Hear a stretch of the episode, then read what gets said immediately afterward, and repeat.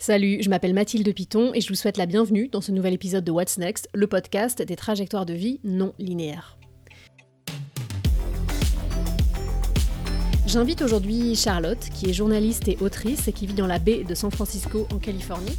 Charlotte m'a contacté il y a quelques semaines pour discuter et euh, bah, ce dont on a discuté et le contexte de cette discussion, c'est tout l'objet de mon récit cette semaine, le numéro 38, qui s'intitule Doit-on croire à sa bonne étoile pour réussir? Alors suite à cet appel, je me suis dit que ce serait bien d'avoir Charlotte qui me raconte sa trajectoire de vie professionnelle euh, dans le podcast.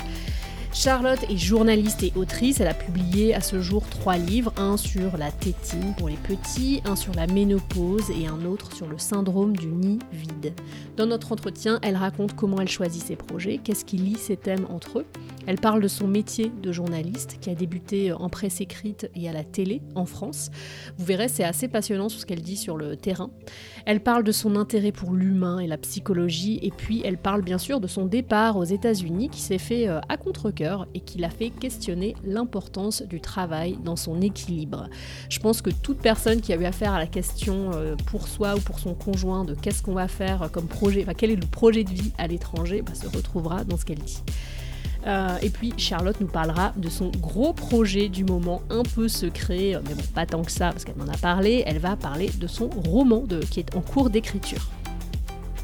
Alors je publie cet épisode début juillet, il y aura des épisodes de podcast et bien sûr ma newsletter en juillet, mais je ferai une petite pause en août. Alors si vous voulez lire mon récit, si vous voulez vous abonner euh, au récit What's Next, c'est maintenant qu'il faut le faire, c'est avant la pause, parce que quand le récit est en pause, vous pouvez tout simplement plus euh, y accéder. Alors dépêchez-vous, si vous avez besoin d'une saga de l'été à lire ou à écouter, abonnez-vous à What's Next. What's Next, c'est ce podcast, mais c'est surtout ma newsletter qui raconte euh, ma quête d'une nouvelle aventure professionnelle. En gros, bah, ici je parle à mes invités en lien avec le récit et dans ce récit je parle de moi. Euh, je raconte ce qui se passe pour moi dans cette période de transition dans ma vie post-pandémie, post-premier bébé à la toute fin de ma trentaine, post j'ai vendu mon entreprise de visite guidée et maintenant je cherche à faire euh, autre chose. Comme je vous l'ai dit, ce podcast est en lien avec l'épisode 38 sur euh, la chance dans la vie professionnelle, la chance ou les opportunités.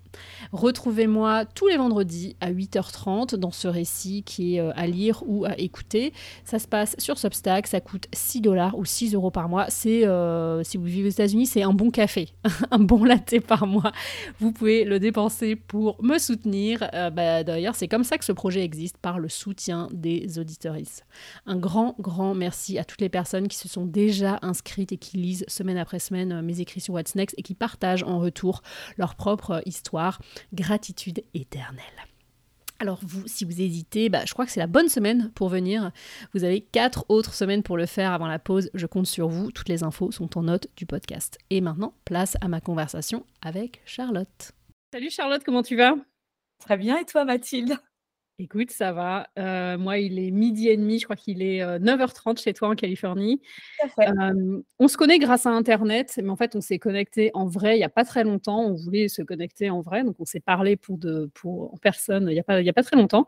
moi, je te connais au départ par ton blog qui s'appelle Beyond the Bridge, mais tu ne l'alimentes plus. Oui.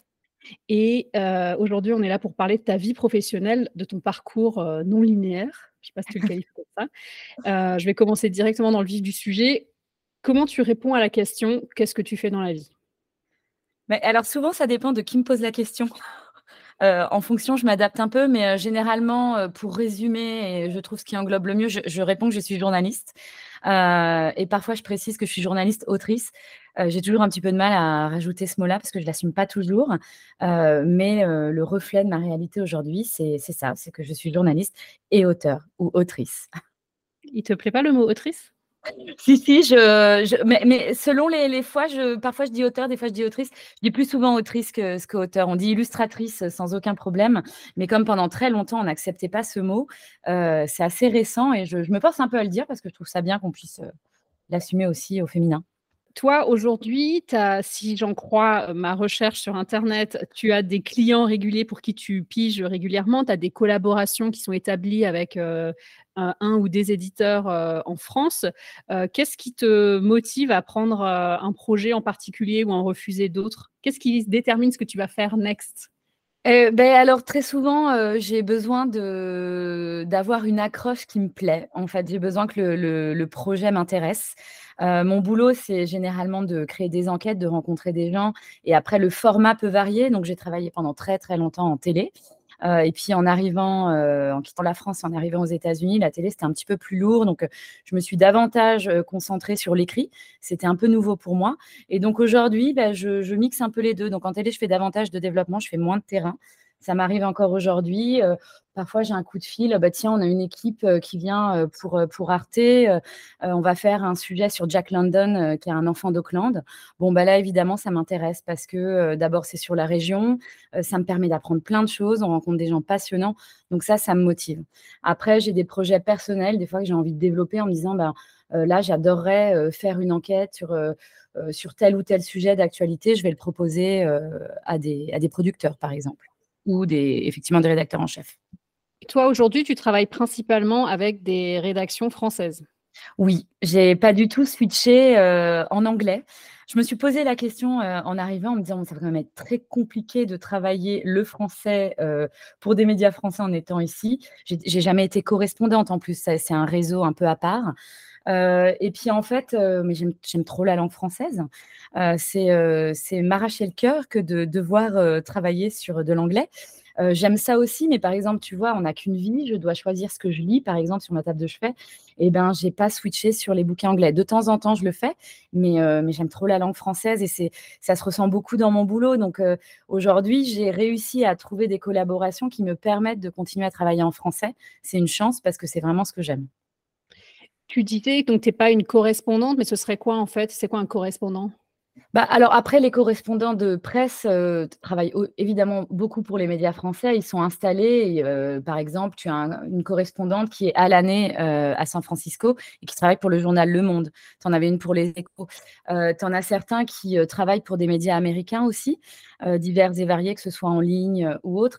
Après moi, venant de la télé, c'est un autre univers ici, c'est pas pas tout à fait organisé de la même façon. Moi, j'étais ce qui s'appelle réalisatrice en France et rédactrice en chef pour des émissions télé. Et c'est vrai qu'arriver ici, tu peux pas du tout, adapter ça, quoi. Alors peut-être que c'est parce que je n'ai enfin ouais, non, j'ai même pas osé. Je dois avouer que je me suis pas, senti les épaules de me dire: «Tiens, je vais arriver, dire: "Bonjour, je suis rédactrice en chef télé, j'aimerais bien bosser sur telle émission" et puis de toute façon, on ne fait pas tout à fait la télé de la même manière, même si aujourd'hui en France, on commence à développer les choses un peu plus comme on le fait aux États-Unis dans le documentaire, c'est moins facile. Donc le documentaire peut te permettre je travaille évidemment ici, donc toute la partie interview, heu, contact se fait en anglais, mais le support à la fin, l'écriture, heu et selon le support et le média pour lequel tu bosses, tu l'adaptes, à la culture française, ouais. Mais quand je te disais que tu travailles aussi en avec des rédactions françaises, c'est as gardé tes contacts d'avant, heu, ou tu en as renoué ici, mais c'est vraiment, heu, voilà, Ouais, j'en ai renoué ici parce que, bah, par exemple, je travaille pour French Morning, qui est donc un média en ligne, qui, informe, et qui c'est à destination des Français qui vivent aux États-Unis. Ils ont 6 éditions aux États-Unis, ils existent aussi à Londres et heu et à Montréal, hem et c'est vrai que, bah, eux, je travaille pas du tout pour eux, mais là, on est plus sur un travail de local, un équivalent un peu du parisien où tu vas, constituer ton réseau, trouver, les nouvelles intéressantes. On a une conférence de rédaction par semaine, on propose les sujets, heu, s donc à la pige et puis les rédacteurs en chef vont me dire: «Bah, ça on prend, ça non», et donc j'évolue comme ça et ça, c'est absolument nouveau et et j'aime bien faire ça parce que ça me permet de toujours entretenir, heu, mon réseau, d'être toujours un petit peu au courant de ce qui se fait dans la communauté française, c'est chouette. Mais oui, ils veulent pas parler de de mon guide, je leur ai demandé. Il va falloir ouvrir une édition pour toi, spécialement, je pense, à Boston. Comment est-ce que ça a commencé en fait? Qu'est-ce que tu as fait? C'est que transporte-moi, je sais pas, il y a j'ose pas dire, il y a 20 ans, heu, Ah bah, Charlotte, heu, qui fait ses études, est-ce que tu c'était ce que tu Ouais. voulais faire, journaliste? Eh ben non, pas vraiment. Je fais pas partie des gens qui, tout petits se sont dit: «Ah, je veux faire comme Tintin et puis, oh, j'ai hyper envie d'informer». Alors pas vraiment. Moi, j'ai fait des études de lettres modernes, j'aimais vraiment le français, et très vite, je me suis dit: «Ouh là, il y a quand même assez peu de débouchés. Heu, on peut être prof de français» et alors là, je m'y voyais vraiment pas du tout. On peut être attaché de presse, donc là, j'ai essayé. C'est un des premiers stages que j'ai fait. J'ai trouvé ça absolument affreux, heu, très difficile parce que, bah, tu es de l'autre côté, hein, donc heu, ça m'a pas tout à fait emballée et et puis je me suis dit: «Mais en fait, j'aime écrire, j'aime la langue, pourquoi pas aller vers le journalisme Et donc, ça s'est fait un petit peu comme ça. Euh, j'ai passé les concours d'école de. En France, tu as un certain nombre de. Je crois qu'elles sont... Elles ont augmenté aujourd'hui, mais je crois que tu as huit écoles euh, qui sont reconnues par la profession. Donc, j'ai visé ces écoles-là. J'ai passé les concours, j'ai été acceptée. Deux ans d'études, et puis tout est né à ce moment-là. Euh, et j'ai vraiment toujours eu la double casquette et presse écrite et télé. En presse écrite, je bossais beaucoup, beaucoup en jeunesse. Et en télé, je faisais du reportage. Donc, j'ai commencé au JT de France 3 en région. Euh, j'ai pas mal bougé, alors beaucoup travaillé à France 3 Auvergne. Euh, j'ai fait mes armes comme ça et vraiment j'aimais le terrain. Et euh, ce qui m'a aussi beaucoup attiré vers le journalisme, c'est l'humain. je suis une fondue de psychologie. J'ai repris d'ailleurs des études en cours de route à l'âge de 30 ans en me disant, mais en fait, énormément travaillé pour ça se discute. Pour ceux qui sont de ma génération, ils connaissent avec Monsieur Delarue. Bon, on sait, je me suis retrouvée plus d'une fois sur des situations avec des gens qui n'allaient pas très bien et euh, c'est pas facile à gérer. Donc, euh, du coup, je me suis dit, bah, je vais aussi me former pour euh, maîtriser un petit peu la psychologie. C'était vraiment, ça se, ça se recoupait et c'est ça qui m'intéressait. C'est aussi ça qui m'a aidé, je pense, à faire mes choix professionnels dans les différents supports pour lesquels j'ai bossé. Beaucoup pour les enfants en presse écrite et beaucoup en reportage pour la télé. Mais alors, attends, es allé trop vite pour moi là. Donc, tu fais tes études. ah oui, j'ai fait vite. Hein. tu fais tes études, tu voilà, tu trouves ta voie. Voilà, je vais faire du, journalisme après les études de lettres modernes. Et c'est quoi ton premier job? Qu'est-ce que tu cherches à la sortie de ton école? Alors écoute, euh, bah, double casquette. Je commence tout assez rapidement avant même d'être sortie de l'école. C'est des écoles assez pratiques, donc tu rencontres pas mal de professionnels. Euh, je commence à faire des pitches pour un magazine pour les petites filles qui s'appelle Julie chez Milan Presse. Et alors là, j'adore. Je trouve ça absolument génial parce que on va leur expliquer qu'est-ce que c'est que les religions, c'est quoi la pauvreté dans le monde. Et écrire pour les enfants, ça te demande beaucoup d'efforts parce qu'il faut être capable de dire beaucoup en peu de mots et de manière assez ludique parce que sinon l'information elle passe pas bien. ça me plaît énormément, donc j'en fais de plus en plus. Et puis quand je sors d'école de journaliste, je suis spécialisée en télé. Et donc, on a, a tout de suite un, stage professionnalisant que moi, je fais en journal télévisé à France 3. Et donc là, c'est du pur terrain, c'est de l'actu, hein, beaucoup, beaucoup d'actu.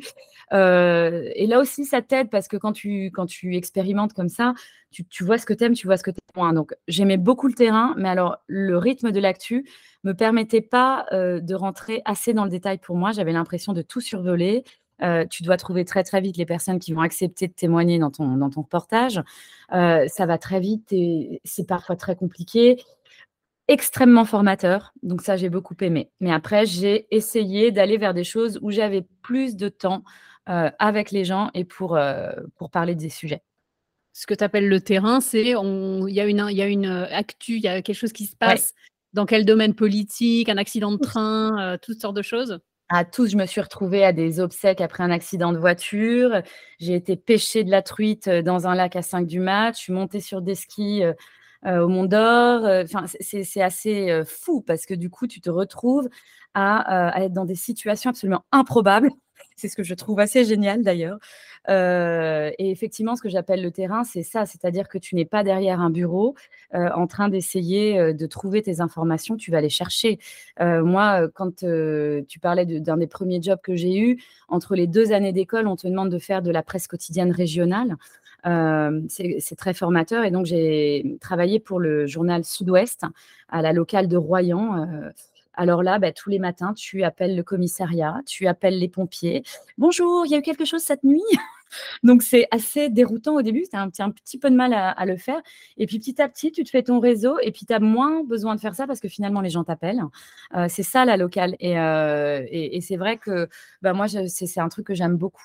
Et après, effectivement, je me suis vue faire du porte-à-porte. Ça, j'ai moins aimé euh, parce qu'il y avait eu un meurtre et personne ne voulait rien me dire. Bon, ben là, évidemment, tu, es un petit peu moins à l'aise. Hein. Bonjour, alors il paraît qu'il y a eu un mort. Bon, et tu tombes sur la sœur qui n'était pas au courant donc, c'est bon, voilà, des aventures. C'est un job aventure euh, à ce niveau-là parce que sur le plan euh, humain comme professionnel, c'est toujours la nouveauté, c'est toujours de l'action euh, et, ça, c'est génial. Donc toi, tu affines avec ces premières années, tu fais un peu tes armes et tu affines un peu ce que tu aimes. Et c'est là que tu dis, oui, là, c'est l'humain. Tu te retrouves, tu dis, avec Jean-Luc Delarue, chez Ça se discute, et tu reprends des études de psychologie, alors, carrément. alors, je les ai, prises je les ai reprises beaucoup plus tard. Euh, je les ai pas. En fait, donc, je sors d'école de journaliste, je dois avoir 23 ans. Euh, je fais pas mal de JT. je continue toujours à travailler pour Milan Presse pour les, enfants, surtout pour les, jeunes filles entre 8 et 12 ans. les deux me prennent à peu près autant de mon temps, donc je bouge beaucoup. et puis un jour, ça discute, je fais un stage, j'avais fait un stage, je ne sais plus, pareil, pendant mes études. Ils me rappellent et ils me disent, voilà, on a un poste qui va se libérer, est-ce que ça t'intéresse? Et à ce moment-là, je suis chez Milan Presse, où pareil, ils m'ont proposé un contrat pour gérer des hors-séries. Et c'est à Toulouse. Et là, je me dis, bon, alors qu'est-ce que je fais? Est-ce que je remonte vers chez moi à Paris? Et puis, bah, je choisis, ça se discute. Donc, je remonte sur Paris. Euh, et, là, je fais plusieurs années, alors euh, années absolument épuisantes, hein, parce que tu as un rythme. évidemment, les tournages, c'est souvent les week-ends, euh, c'est très intense. Et, j'adore. J'adore parce que, parce que tu abordes des sujets plus ou moins tabous, euh, des sujets dont on ne parle pas, euh, les gens se livrent. Et ça, c'est vrai que ça me plaît beaucoup. Hein, un peu ce que tu peux faire parfois dans le podcast où euh, les gens se dévoilent et, ça me plaît beaucoup. Je m'aperçois que je ne suis pas tout à fait effectivement armée pour tout type de sujet. Tu vois, il y a pas mal de, problématiques qui frisent bah, la santé, en fait, hein, le médical. Donc là, évidemment, un peu moins à l'aise. Et ça, je continue plusieurs années. je me spécialise après, je quitte cette discute, je fais beaucoup de documentaires de société. Et puis, je deviens rédactrice en chef. Donc là, après, j'encadre les, équipes, notamment à C'est ma vie. Et qu'est-ce qui a fait que tout a changé? Bah, C'est qu'il y a les enfants qui sont arrivés. Hein. Attends, C'est ma vie, redis-moi ce que c'est. Alors, C'est ma vie, c'était une émission un petit peu équivalente à celle de, de Monsieur Delarue, euh, animé par Karine Le Marchand sur M6. Et euh, pareil, on allait euh, chez les gens, c'était des documentaires. Elle, lançait simplement les, en plateau. Et après, tu allais, c'était des sujets généralement de 26-30 minutes où tu suivais des personnes dans certaines problématiques de leur vie. Donc, et c'est vrai que là, moi, à ce moment-là, bah, je viens d'avoir une petite fille. Donc, c'est bien d'être moins sur le terrain. Euh, tu parlais de carrière non linéaire. Ben, quand, on est, euh, quand on devient maman, il y a des choix qui s'opèrent. Euh, moi, j'en avais marre d'avoir des horaires absolument. C'était un peu fou. J'avais besoin un petit peu de me poser. Donc, je me dis, bah, je vais encadrer. J'aime ça aussi. On reste dans l'humain, on reste sur des problématiques que je connais. Je continue quand même toujours un peu à écrire une piche par-ci par-là parce que j'aime bien. J'ai toujours un peu cumulé. Et à ce moment-là, je me dis, ben, mais pourquoi pas reprendre des études de psycho en parallèle du boulot? Donc, ça me prend un certain temps hein, parce que je mets deux ans par niveau, parce que je ne peux pas tout faire. Mais quand tu dis le cumul, c'était par goût d'en faire plus parce que tu voulais papillonner ou c'était une question de quel était ton statut euh, C'est peut-être très basique, mais est-ce que tu étais en CDI Est-ce que tu étais freelance? Non, alors en télé, tu n'es jamais en CDI. Enfin, si, il y en a quelques-uns, je ne peux, pas généraliser, mais c'est rare. On est souvent à des contrats de saison. Les contrats de saison, une émission va être signée. tu sais que tu as X sujets à fournir à la chaîne. Et donc, tu sais que tu vas travailler, je ne sais pas, sur une période de neuf mois. Donc, généralement, sur, sur moi, la, plupart des contrats que j'ai eus, c'était des contrats de saison sur des émissions. Et après, sur tout ce qui était documentaire, là, c'était du freelance. dès que tu es en saison, c'est beaucoup plus confortable parce que tu sais le salaire que tu vas avoir, tu es sur une structure où tu as des horaires. Enfin, c'est pas du tout la même chose. Le freelance, ce que j'ai fait au début, où tu cumules un peu tout, c'est parfois compliqué à gérer parce que tu sais jamais combien il va y avoir à la fin du mois. Il y a des gens d'ailleurs qui le vivent très mal. Moi, j'aimais pas trop le côté, bah, l'insécurité de jamais savoir ni ce que j'allais faire, ni ce que j'allais avoir sur mon compte en banque. L'expérience m'a montré qu'au final, ça se passait bien, mais avec un stress de folie. Donc, quand j'avais le choix, c'est vrai que j'allais plutôt vers le confort euh, du, contrat un peu posé. Mais je suis quelqu'un qui aussi a besoin de. Je me lasse, je pense, au bout d'un moment, quand je suis posée et que, et que ça ronronne. J'ai besoin un peu de défis, de challenge. Donc, généralement, je bougeais. Je bougeais mmh. pas mal. C'est comme ça. mais la stabilité, ça n'a jamais été quelque chose que tu as spécifiquement recherché. Quoi. Alors, je l'ai toujours recherché, je ne l'ai jamais trouvé. J'en viens à me poser des questions, en fait, sur moi, sur mon tempérament. Euh, je pense qu'en fait, je, j'ai pensé longuement à, mais tu aurais pu être prof de français, tu sais. Euh, non, ben, je n'ai pas choisi ça. Euh, effectivement, je me suis orientée vers des voies qui n'étaient pas du tout stables. Euh, être journaliste, encore aujourd'hui, c'est des métiers qui ne le sont pas. Donc, tu peux intégrer une rédaction, tu peux avoir un CDI, c'est tout à fait possible. J'ai plein d'amis aujourd'hui qui en sont arrivés là. mais c'est vrai que moi, en télé, tout ça, j'ai absolument pas fait ça. Je ne l'ai pas toujours bien vécu. Et encore aujourd'hui, le statut aujourd'hui, je le vis peut-être même plus mal parce que je, ne suis plus en France et du coup, j'ai pas ce côté plus confortable du contrat de saison, de pouvoir anticiper mes sujets, de savoir ce qui va arriver et, et je suis beaucoup plus à la pige et je gagne beaucoup moins bien ma vie. Oui, c'est ce que j'allais, c'est ce qu'on, je me demandais si j'allais te poser la question parce que vivre avec un salaire français dans la baie de San Francisco, c'est quand même pas si facile, j'imagine. Non, ben, tu peux le faire quand ton, quand ton conjoint, ce qui est mon cas, a la régularité d'un salaire qui tombe à la fin du mois sinon, sincèrement, c'est pas c'est pas tenable en fait. Tu peux pas du tout envisager ça. Alors après, si en télé, parce que le, prix d'une piche télé à la journée est très correct. Donc si tu en fais beaucoup pour plusieurs médias français, tu fais plusieurs docs par mois, tu peux avoir un bon salaire. Ça n'a pas été mon choix et, encore une fois, quand nous on est on a déménagé aux États-Unis, j'avais deux enfants de 2 et 5. personne, enfin, ils parlaient pas la langue évidemment, et moi j'ai mis tout de côté à ce moment-là en fait. J'ai un peu euh, posé mon expérience en me disant bon, allez, ça on va devoir rebondir sur autre chose. Tu dis sur ton blog, j'ai bien feuilleté tout ça, que c'était pas de bon cœur ce départ aux États-Unis. C'est vrai. Euh, bah, écoute, euh, mon, mari qui, qui travaille, qui, est, entrepreneur, qui l'a toujours été, a toujours monté des tonnes de projets. L'un de ses projets, un jour, est sélectionné dans le cadre d'un incubateur par le gouvernement français. Et donc, il part à San Francisco, il passe deux mois, il revient et il me dit, bon, bah, écoute, moi, je pense que l'avenir de cette boîte, c'est là-bas. Alors là, il y a eu un grand blanc. Genre, ah oui, eh ben, ce sera sans moi. Et ça, ça nous a pris un petit peu de temps euh, avant que. Il a fallu que je me calme un petit peu parce qu'effectivement, je, euh, ça n'a jamais été mon rêve. Euh, je bougeais énormément dans mon boulot. J'ai eu tellement d'opportunités de, bah, de voyage et de découverte que j'avais pas ce besoin. J'ai jamais eu le rêve américain euh, chevillé au corps ou comme certains peuvent l'avoir. Donc c'est vrai que sur le coup, vraiment, je me suis dit, bah non, moi j'ai mon boulot, je suis en train de finir des études de psycho. non, c'est hors de question que je mette tout à la poubelle pour recommencer là-bas. Et puis, bon, et eh ben, être en couple, c'est aussi être une équipe. mon mari avait plusieurs fois dû assurer quand moi je partais. Donc, je me suis dit, il n'y a pas de raison que ça n'aille que dans un sens. C'est important pour lui. Et puis, ça peut être vachement enrichissant. Allez, go, on va essayer. Mais c'est vrai que ça, je dirais qu'il y a eu un an, de, un an de discussion, un an, un an et demi, avant de pouvoir se dire, allez. Là, aujourd'hui, ça fait presque huit ans que vous êtes installé. Ça, tu t'es ajusté maintenant? Oui, j'ai eu aucun problème à m'ajuster au départ. Je pense qu'on a eu la chance d'arriver dans un coin des USA où la vie m'a plutôt surprise. Je connaissais les banlieues de Washington pour avoir une vieille tante qui a habité là-bas et que j'avais pu, à qui j'avais rendu visite quand j'avais 16 ans. donc j'avais l'image des États-Unis vraiment avec ces petites maisons loin de tout, faut la voiture pour tout. Bon, bah là, c'est pas la vie que je mène et je pense que ça joue beaucoup.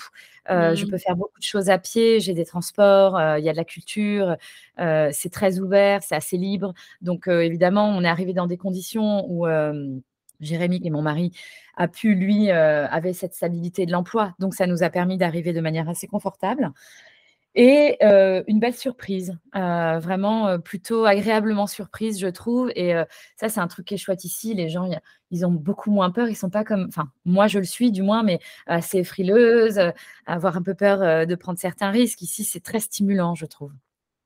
Et pour reparler du français, ça te, comment tu le vis, toi, le fait de travailler en français, d'être très attaché à la langue française, même tu lis en français et tout ça, mais de vivre dans un, environnement anglophone, ça, tu te sens pas comme une espèce de tension pour te sentir chez toi? Ah, c'est une bonne question. Écoute, euh, il y a eu des périodes vraiment euh, très différentes. Il y a des moments, je me dis, mais en fait, c'est ridicule. Euh, il faut que je rentre. je ne vais pas poursuivre comme ça parce qu'en fait, il va y avoir des limites. Il y aura des limites. Hein. je sais qu'il va y en avoir d'ailleurs euh, prochainement parce qu'aujourd'hui, j'ai réussi à trouver des, euh, des, façons d'allier tout, mais qui ne sont pas complètement viables financièrement. Donc, il y a un moment donné, ça ne marchera pas parce que j'en ai marre. Donc, je me pose beaucoup de questions à ce niveau-là. Après, je le vis aussi comme une chance de réussir à intégrer les deux univers au sein d'une même bulle. j'ai beaucoup de chance parce que parce que pas toujours faisable. moi, j'arrive à le faire, donc ça m'aide et je me sens pas, je trouve pas que ça me ça joué sur l'intégration parce que les amis, le monde dans lequel on est, de toute façon, on vit ici. On, côtoie énormément d'Américains. Mon mari travaille avec des Américains. on, est, on baigne dedans. Après, c'est vrai que de toute façon, sur le plan amical, je trouve qu'on a mieux connecté avec des Européens. On a quelques amis, très bons amis américains, mais ils sont moins nombreux que les Européens, par exemple.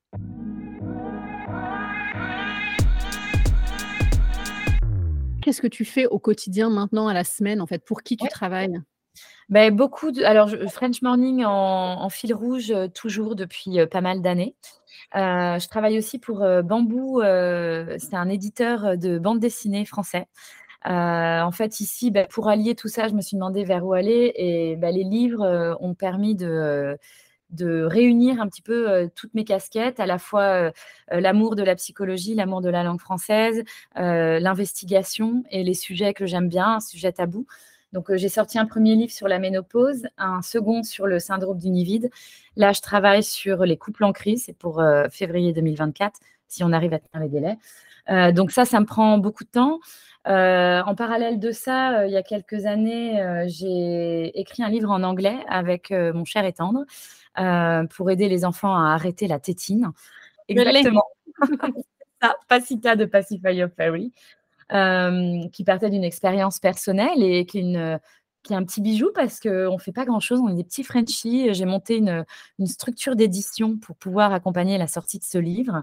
Euh, et il marche bien. Euh, vraiment, on est, surpris, on ne fait pas grand-chose, il se vend bien. Euh, il est sorti au moment de Covid, tout était fermé, on s'est dit, bon, c'est la catastrophe. bon, ben, alors effectivement, il n'a pas vu les librairies beaucoup. Il marche beaucoup en ligne, mais ça nous convient. Et, et du coup, voilà, j'essaye d'allier tout ça. Et en ce moment, je travaille aussi, ça c'est une grande première, sur une fiction. Euh, sur un roman. Voilà, c'est beaucoup, beaucoup de questions. Alors attends, je vais unpacker tout ce que tu m'as dit. Comment dire en bon français? Je vais résumer peut-être? Alors, déjà, ton livre, euh, Pacita de Pacifier Ferry, que tu m'as euh, gentiment envoyé, c'était un projet au départ avec une maison d'édition française qui, la maison d'édition française a, dû fermer et vous avez repris ce projet mais vous avez décidé de le faire, quand je dis vous, c'est toi et ton conjoint, vous avez décidé de le faire en anglais. Pourquoi tu as fait ça plutôt que d'aller vendre ton projet à une autre maison d'édition française? Qu'est-ce que tu t'es dit là? Ben là, euh, pour reprendre un peu ta question euh, euh, bah, précédente, c'est qu'on s'est dit, bah, on vit aux États-Unis. ce projet, il existe. Les dessins, les illustrations existent. Tout avait été quasiment, on était vraiment sur la fin. Euh, la maison d'édition nous annonce qu'elle ne va malheureusement pas pouvoir euh, donner suite puisqu'elle fait faillite. Donc là, vraiment, on est un petit peu dommage collatéral de la chose. Et là, on se dit, ben, on va pas le laisser dans un tiroir, c'est hors de question. Et puisqu'on vit là, eh ben, pourquoi ne pas tenter euh, de l'adresser au public américain? Donc à ce moment-là, on, traduit. On se rend compte que quand même la traduction littérale, c'est pas tout à fait ça. Tu, le sens, tu vois, il y a quand même un truc mmh. culturel que tu ne maîtrises pas de la même manière. Donc là, on travaille avec une, euh, une amie euh, américaine. Euh, on est hyper content du résultat et on se dit, bah, allez, go, quoi. moi, j'ai toujours, toujours été, tu vois, le, journalisme, le travail d'auteur, tout ça, c'est quand même des choses, il y, a des, y, y a des passerelles entre ces différentes professions. Et là, je me dis, bah, on va tout tester, on va faire la maison d'édition en même temps que la sortie du livre, euh, soyons dingues. Euh, bon, euh, j'ai fait ma maline, ça a été beaucoup de boulot. bon, gérer la sortie d'un livre en anglais avec un imprimeur qui est à l'autre bout du monde, enfin, ça a été extrêmement compliqué. Donc, on a réussi. Aujourd'hui, l'imprimeur est local et il est sur la côte est, il est dans le Minnesota. Euh, mais on est, euh, on est content de cette aventure parce que pour le coup, c'était un gros, gros challenge. Est-ce que j'ai lu aussi que tu avais fait une formation aux États-Unis, dans ta ville, euh, sur le métier d'éditeur? Ça, ça t'a aidé en fait à lancer ta, ta maison d'édition? Vous l'appelez comme ça, c'est une maison d'édition Ouais, je l'assume pas toujours, mais oui, c'est vrai. Euh, en fait, à la base, on s'est dit, on va monter une boîte qui va nous permettre de créer du contenu, puisque moi, je travaille avec différents types d'interlocuteurs pour être payé. Euh, ça va être une boîte de création de contenu. Et à l'intérieur, on va euh, créer une petite maison d'édition pour sortir nos bouquins. et c'est comme ça que tout a commencé. Et c'est vrai que moi, je me sentais pas de ne pas avoir une assise un petit peu, tu vois, les études, j'aime bien. Je pense que je pourrais être une étudiante éternelle. J'adore apprendre. et c'est vrai que ça m'a aidé à me donner un petit peu confiance parce que j'aurais peut-être moins eu peur en France de connaître un petit peu les us et coutumes. C'était pas le cas ici.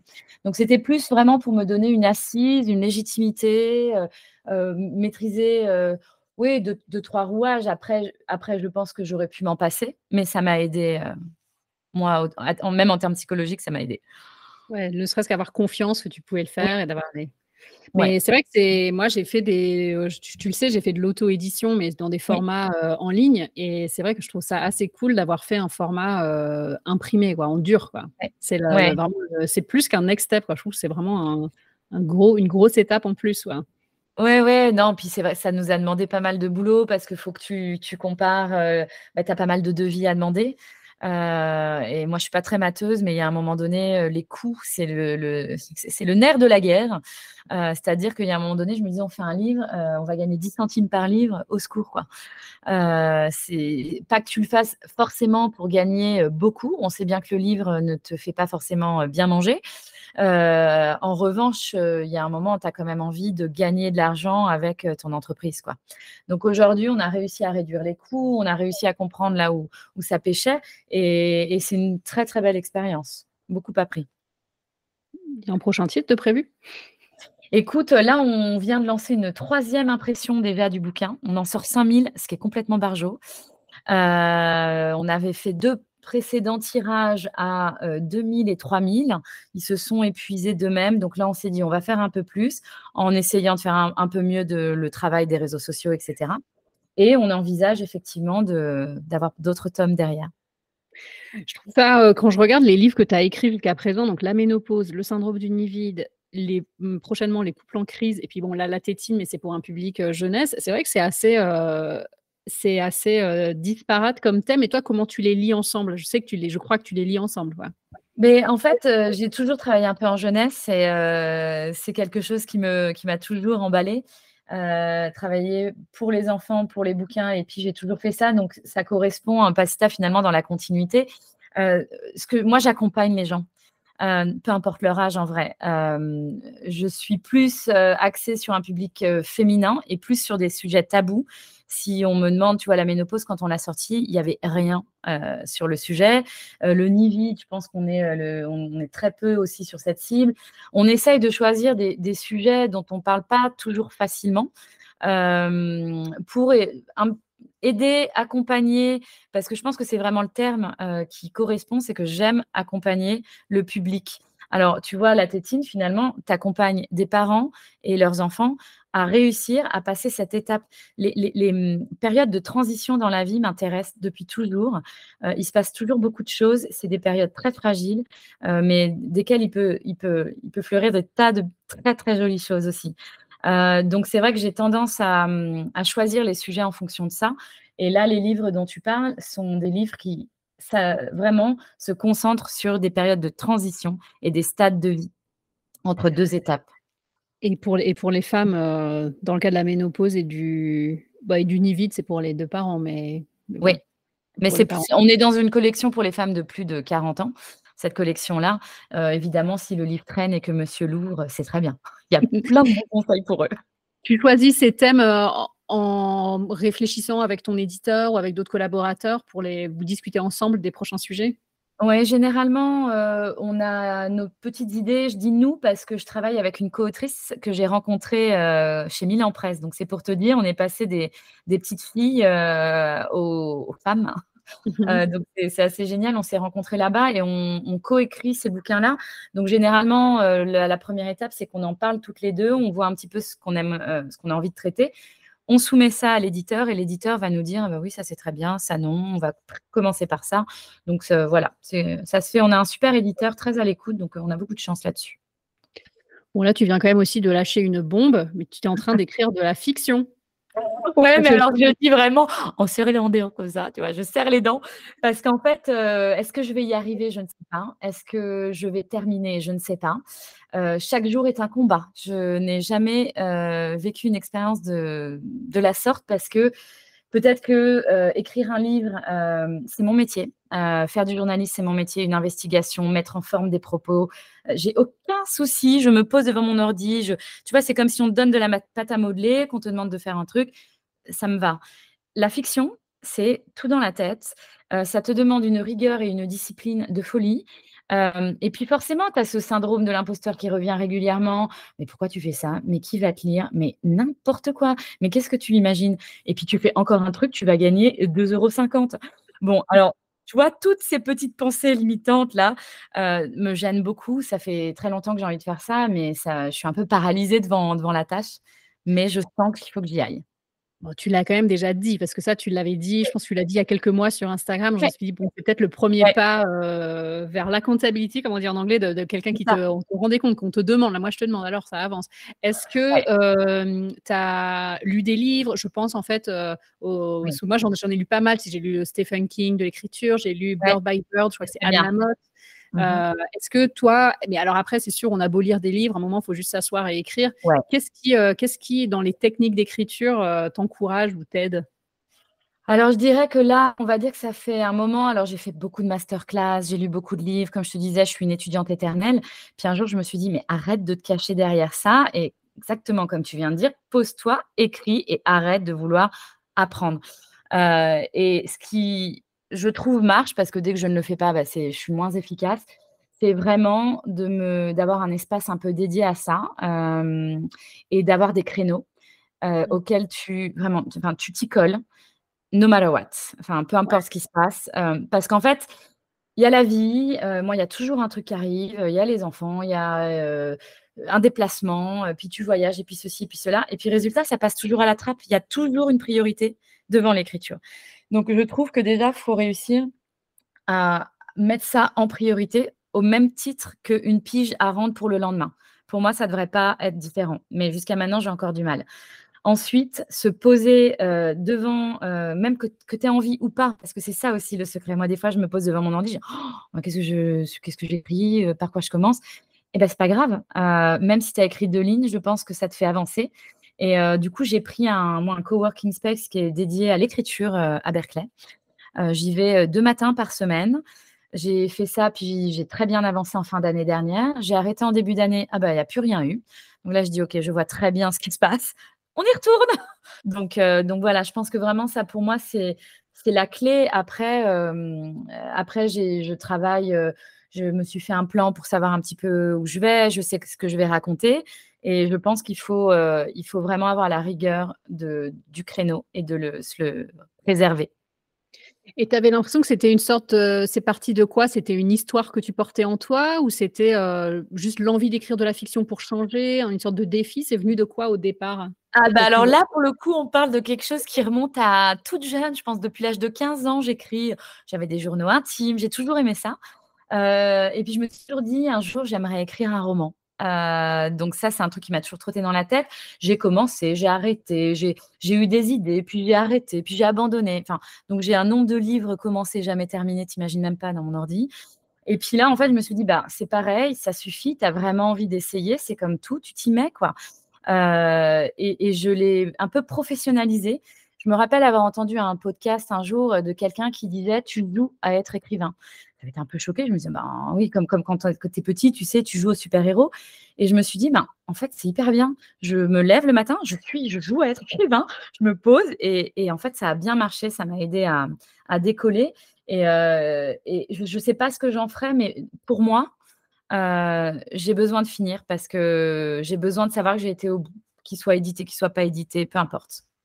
Je trouve quand même qu'aux États-Unis, ça c'est peut-être en train de changer en France, je ne sais pas assez, mais je trouve qu'aux États-Unis, c'est propice, je trouve, à l'écriture, à voir l'écriture comme un métier et voir l'écriture de fiction qui peut sembler un peu euh, un passe-temps du, du, du, Et euh, je trouve qu'il y a des, des, choses qui sont mises en place. Je pense par exemple au mois de novembre, le Nanovrimo. Je ne sais pas si tu as entendu parler, donc l'écriture d'un roman en un mois. Il y a des groupes d'écriture. Moi, je fais partie ici à Boston. On ne sait pas spécifiquement sur la fiction, mais je trouve qu'il y a un cadre pour écrire ou des, des, des cours d'écriture qui fait que il y a peut-être un peu moins ce côté, oh là là, j'ose pas dire que je suis un écrivain si j'ai pas publié dix romans, quoi. C'est exactement ça, ouais. Je suis tout à fait d'accord je trouve que aux États-Unis, alors beaucoup, beaucoup de gens écrivent, je pense. Moi, je sais qu'ici, on a une association qui est dédiée aux auteurs, donc je vais de temps en temps. C'est très chouette. Alors, il y a des gens qui ont des boulots à côté, il y en a d'autres, ont décidé de se consacrer à ça. Chacun à un un stade différent de sa vie, mais, mais par contre, c'est tout à fait professionnalisé, quoi. Et heu et ça passe pas pour un passe-temps du Luberlu parce que et d'ailleurs, depuis que je suis complètement, heu, immergée là, depuis quelques mois dedans, je pense que je ne verrai plus jamais le travail d'écriture de la même façon. Parce que j'ai été capable d'écrire, heu, là, je suis quand même au 4e bouquin, mais c'est pas du tout les mêmes mécanismes, hem, je trouve au niveau cérébral, enfin, au niveau du travail que tu fournis, et et je sais enfin, ce que ça demande, quoi. C'est c'est un travail fou, c'est fou. C'est-à-dire que vraiment, ça se compte en milliers, milliers, milliers d'heures. L'investissement est dingue, l'engagement est dingue. Moi, j'ai essayé de faire de la fiction justement dans le cadre de Nano de NaNoWriMo, donc ce ce mois d'écriture de de romans en novembre et j'en ai je pense que j'en ai écrit 3 qui qui ont qui sont restés au stade de brouillon, hein et c'est vrai que je me suis dit aussi c'était un autre muscle. L'imagination, heu, c'est c'est autre chose et puis faire que ce soit cohérent et que ça se rattache et que ce soit intéressant et que tes personnages, ils aient de la de la matière, ils soient ils soient Et puis quand même qu'il y ait pas trop de répétitions et que le style te plaise et que enfin, c'est extrêmement complet, heu et difficile. Est-ce que tu t'empêches de lire des romans pour pas être trop influencée ou pas? Alors pas du tout. Alors à l'inverse, heu, je sais qu'il y a des auteurs, j'ai déjà entendu ça, qui arrêtent de lire au moment où ils écrivent. Heu, moi, au contraire, je pense que j'ai, heu, passé la c la la 5e directe en ce moment en termes de lecture.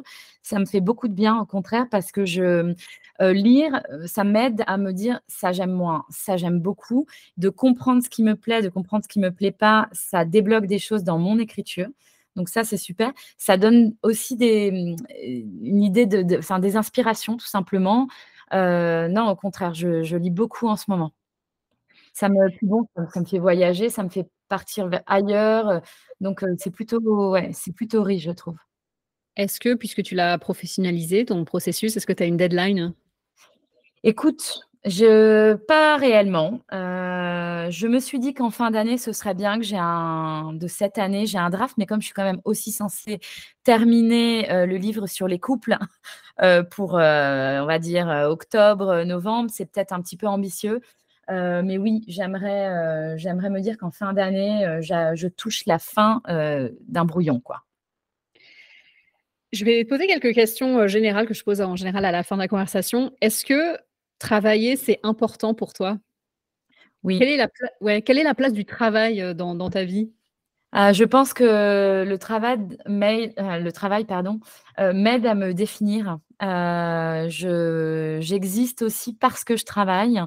Heu, j'ai lutté beaucoup quand je suis arrivée aux États-Unis et que j'ai arrêté de bosser parce que j'avais l'impression d'être devenue une moins que rien. Je sais que c'est pas du tout une, bonne idée et heu, tout le monde disait: «Mais pas du tout», mais hem, en fait, le travail me me nourrit, intellectuellement. J'ai besoin d'être stimulée. J'ai besoin aussi de me sentir utile, c'est quelque chose que je trouve dans le travail. Donc oui, c'est le travail a une place majeure, même si aujourd'hui, je l travaille d'ailleurs à titre personnel à comprendre que, heu, travailler et gagner de l'argent, c'est pas toujours pareil. Parce que moi, j'avais tendance à dire: «Bah, tu travailles donc tu gagnes as un bon salaire».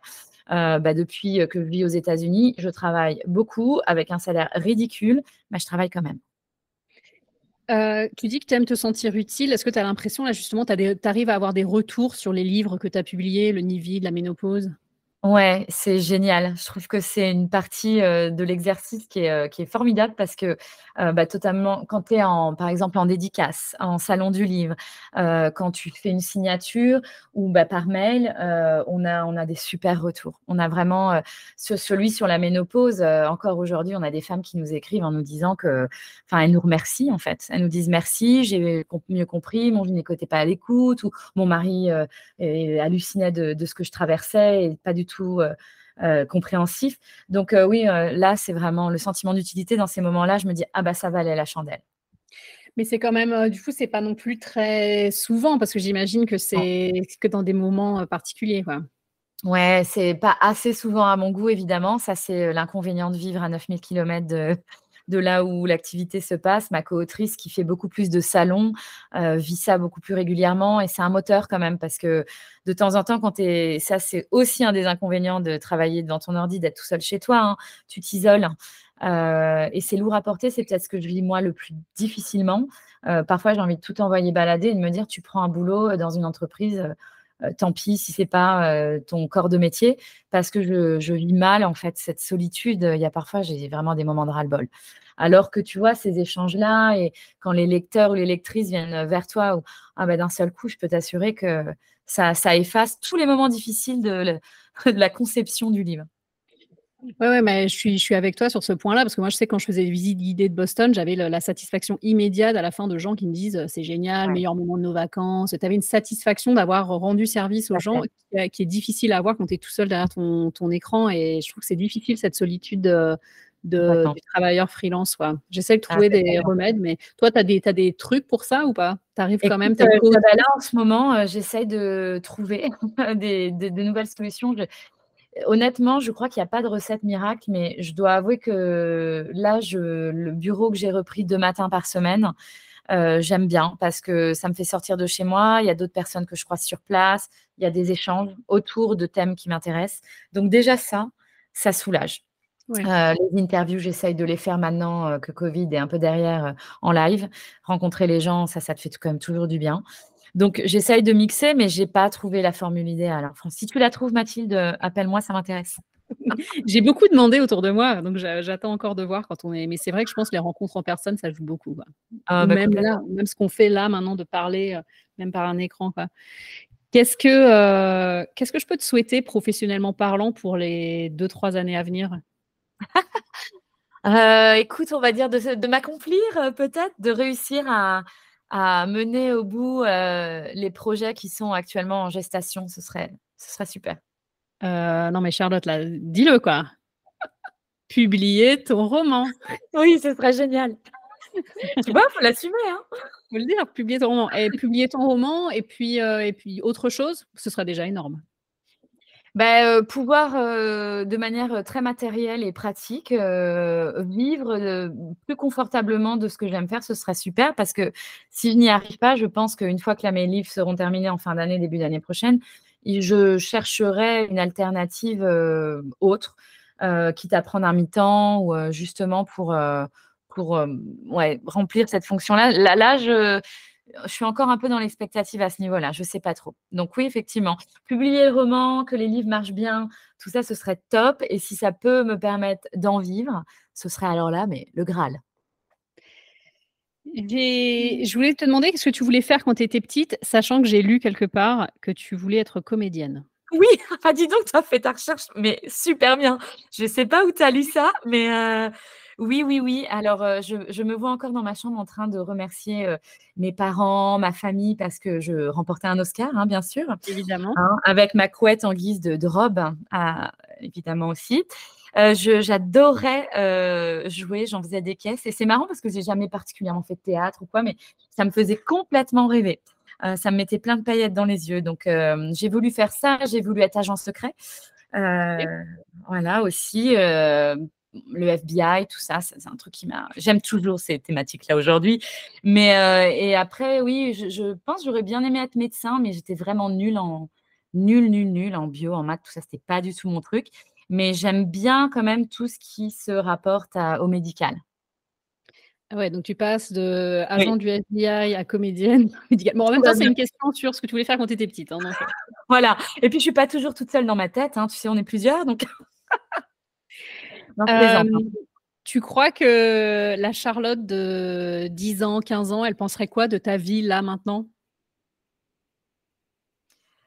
Ben, tu sais, c'est marrant, je crois qu'elle lui dirait qu'il faudrait qu'elle ait moins peur en tant qu'adulte, qu'elle retrouve un peu cette petite innocence qu'elle avait gamine et qui, qui lui faisait tester des choses, la peur au bide, hein, quand même toujours, mais, mais qui lui allait dans le risque avec un petit peu moins de, terreur, quoi. Parce que moi, j'ai toujours un petit peu peur à l'idée de, tu vois, faire un roman. Pour moi, c'est, je lutte contre moi-même en fait. Alors que, voilà, donc je, pense que elle dirait que elle est contente de là où, de, ce qu'elle a réussi à, à faire. mais que si elle veut vraiment se sentir bien, il faut qu'elle arrive à à lâcher un petit peu prise. Tu sais, la première fois que j'ai que j'ai écrit, heu, un e-book, le le l'e-book sur Boston que j'avais publié en 2016, heu, j'avais suivi un cours dans un, un truc américain et ça s'appelait «Finish your damn book», donc heu, finis ton putain de livre. Et le premier conseil, c'était de dire: «Écrivez-le et ne pensez à rien d'autre, juste vous l'écrivez du début à la fin, quoi» et plein de fois, je me disais: «Mais attends» alors c'est pas de la fiction, hein, on est d'accord? Mais je me disais: «Mais est-ce que ça intéresse? Est-ce que c'est bien? Est-ce que c'est une répétition du blog? Est-ce que ça va sans» et à un moment, je me suis dit: «Non, il faut que tu te taises et que tu avances», je tais mon éditeur intérieur, quoi. Alors c'est pas c'est pas facile de se le rappeler, mais je souvent, je repensais à ce truc: «OK, juste finish your damn book et puis, puis on verra après», quoi. C'est exactement ça. Est-ce que, heu, je t'ai pas posé une question? Est-ce que j'ai raté quelque chose, de ta vie professionnelle? Écoute, il y a eu non, je trouve que tu l'as bien, bien brossé là, le tableau, me paraît bien pertinent. il y a eu vraiment cette phase où j'ai repris les études de psycho, où j'ai aussi beaucoup travaillé dans ce domaine-là. Euh, qui a compté pour moi parce que j'avais repris des études à la fac de Saint-Denis à l'époque. et j'ai été en stage très longuement et j'ai poursuivi pour une, association qui, qui travaillait avec notamment des enfants et qui est sur le suicide beaucoup. et c'est vrai que ce sont des. voilà, c'est un truc qui me tient vraiment à cœur. Et il y a eu un moment donné de ma carrière où je me suis dit, ben, je vais devenir psy. Et en fait, Très vite, je me suis dit: «Mais je me vois pas dans un cabinet à accueillir des gens, c'est c'est pas moi non plus». Mais travailler pour une structure ou euh, euh, ouais, peut-être, euh, carrément changer de voie, aller, bosser dans un hôpital parce que tu vois, il y avait ce côté médical que j'aimais bien, il y avait le côté soin, il y avait le côté être utile, il y avait le côté humain. et puis bon, bah, la vie, la vie et ses surprises, ça ne s'est pas fait comme ça. mais c'est vrai que ça, ça a compté beaucoup et et c'est ça a toujours une place importante dans dans mon cœur. Tu t'es déjà posé cette question, what's next dans ta vie?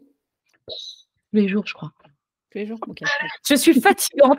Non, mais parce que, en fait, je, des fois, je me dis, mais euh, anticiper trop, c'est des fois, ça t'empêche un peu d'avancer. Un peu comme tu disais, il faut des fois lâcher, euh, euh, parce que moi, je me pose beaucoup de questions. Alors, le what's next, tu vois, et là, je suis dans une période de ma vie où je suis en train d'entreprendre des, des, chantiers qui me paraissent mais insurmontables, dont le roman. Euh, et je suis déjà en train de me dire, mais what's next? Mais en fait, le what's next, c'est. Non, mais en fait, ton what's next, il est demain. C'est est-ce que tu as réussi à écrire? Et ton what's next d'après, c'est est-ce que tu as réussi à finir ton bouquin pour ton éditeur? Et puis après, est-ce que tu as réussi à finir ton roman? Et alors, après, tu pourras te dire what's next? Parce que tu auras bouclé ça. Et c'est vrai qu'à ce moment-là, je me poserai vraiment la question où j'ai envie d'amener ma carrière? Parce que c'est, je pense, un, ce sera. Ouais, pour moi, c'est une étape c'est une belle étape. Écoute, je te souhaite vraiment euh, d'avancer sur ce projet, de le terminer. On va croiser les doigts, mais ça tient, ça tient qu'à moi. Le pire, c'est ça, c'est que tu peux pas. Là, tu peux même pas dire j'ai pas eu le job. Non, c'est que toi, avec toi-même.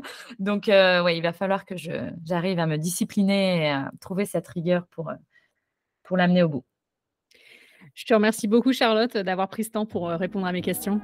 Merci à toi, Mathilde. J'étais ravie de, de pouvoir te parler. Si cet épisode vous a plu, vous savez quoi faire. Laissez-moi un message sur Instagram à What's Next Mathilde. Mettez des étoiles sur votre app d'écoute Spotify, Apple Podcast et compagnie. Vous êtes a priori euh, plus nombreux à écouter ce podcast qu'à commenter ou à noter. Alors faites-moi savoir que ça vous plaît. Manifestez-vous. Et puis bien sûr, je vous attends cette semaine dans l'épisode de What's Next, la newsletter. C'est mon propre récit, c'est mon histoire. Euh, et ben voilà, ce sera l'épisode 38. Rendez-vous sur Substack. Tout est dans les notes de cet euh, bah, pour participer pleinement à What's Next, lire le contenu, commenter et compagnie. Rendez-vous dans deux semaines. Bye bye